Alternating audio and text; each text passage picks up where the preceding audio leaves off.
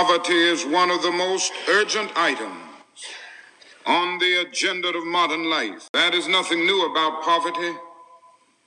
What is new, however, is that we have the resources to get rid of it. Hei, alle sammen. Jeg heter Marie Sivertsen og skal i dag ta føre meg temaet fattigdom. Fattigdom er et veldig utvida og bredt tema, men først Hva er egentlig fattigdom? Når jeg tenker på fattigdom, så tenker jeg på lite penger. Og når jeg tenker fattigdom, det er lite penger. Bare fattigdom er lite penger. Mange tenker fattigdom der man bare har lite penger, men det handler om mye mer enn det. Fattigdom er mangel på livsviktige ressurser, og det begrenser muligheten til å leve verdige liv. Jeg skal forklare begrepene absolutt fattigdom og relativ fattigdom, som er ofte brukt for å forklare grader av fattigdom. Absolutt fattigdom er når man ikke får dekket grunnleggende behov som mat, klær, medisin og bolig. Absolutt fattigdom er å ikke være i stand til å dekke de fysiske primærbehovene. Ifølge FN er den absolutte fattigdomsgrensen i dag et forbruk på 1,9 amerikanske dollar, som er rundt 16 norske kroner per dag.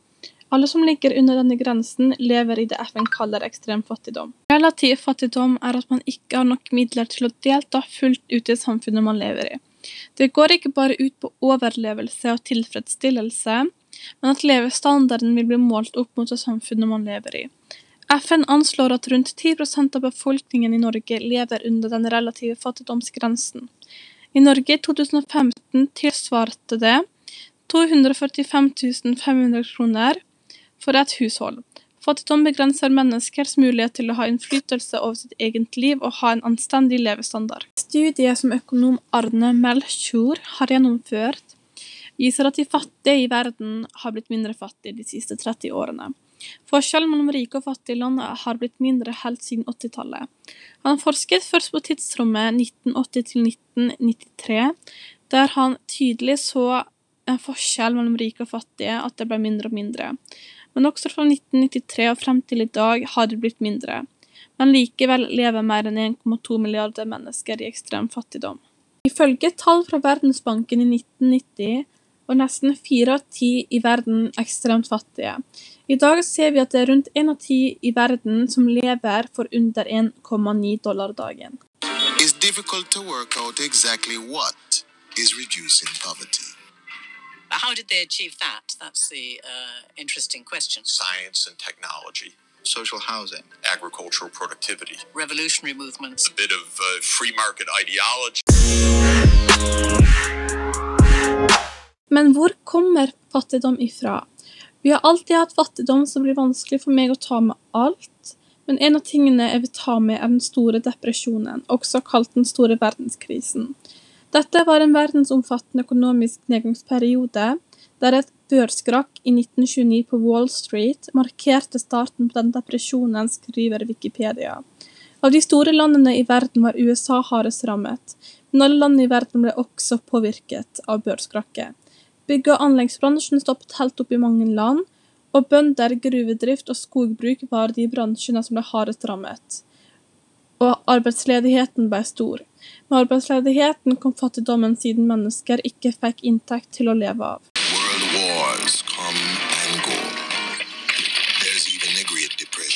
Mange utviklingsland lå under et europeisk styre i kolonitiden. Koloniens rolle var først og fremst å produsere råvarer som kakao, kaffe, bomull og mineraler til Europas industri. Land i Europa brukte disse råvarene til å bygge opp sin egen industri og ble rike. Fattige land eksporterte fortsatt hovedsakelig råvarer. Det vi ser er at de rike landene kjøper ofte råvarer billig av de fattige landene, og bruker sin teknologi til å produsere ferdige produkter. På 70- og 80-tallet tok mange fattige land opp lån fra industrialiserte land, Verdensbanken og Den internasjonale pengefondet, IMF.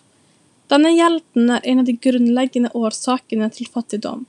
Hvert år betaler utviklingsland dobbelt så mye i nedbetaling av gjeld enn det de mottar i bistand. Land må bruke inntektene sine på å betale gjeld istedenfor å kunne bruke pengene på skole, helse og utdanning til sin egen befolkning. Verdensbanken og IMF har de seneste årene slettet mye av utviklingslands gjeld, men mange land står ennå i fare for å havne i gjeldskrise. For å stoppe fattigdom trenger man litt hjelp. Og hvem jobber egentlig for å stoppe fattigdom? FN er en stor organisasjon som har som mål å utrydde fattigdom. FN jobber også med konkrete prosjekter og har opprettet flere organisasjoner som jobber med fattigdomsbekjempelse og langsiktig utvikling. Å utrydde fattigdom er mål én, og målsetningen er at innen 2030 skal all ekstrem fattigdom bli utryddet. De vil også innen 2030 halvere andelen av menn, kvinner og barn som lever i fattigdom. Ifølge FN lever 36% av verdens befolkning i ekstrem fattigdom, som er ganske masse, i 1990. Siden da har andelen under fattigdomsgrensen blitt halvert, som er veldig bra. For å bekjempe fattigdom må den økonomiske veksten være inkluderende og fordeles jevnere blant land og befolkning.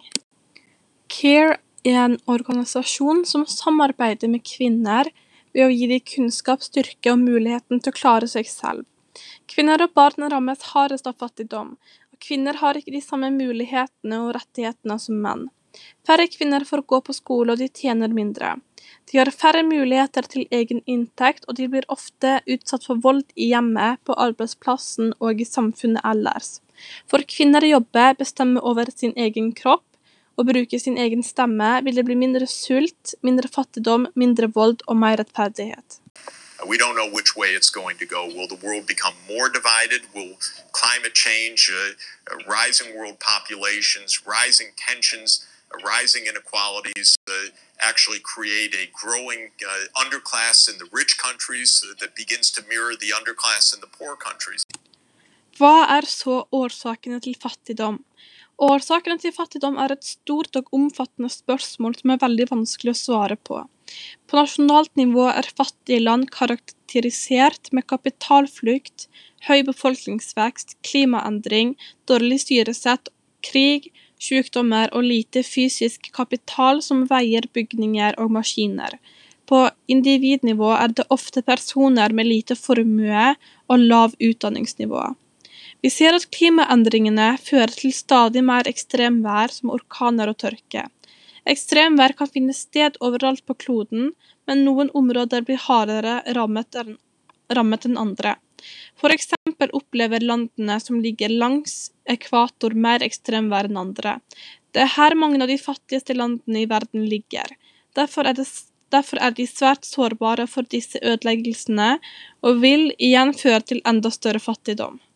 Krig og konflikt gjør det svært vanskelig for mennesker å livnære seg.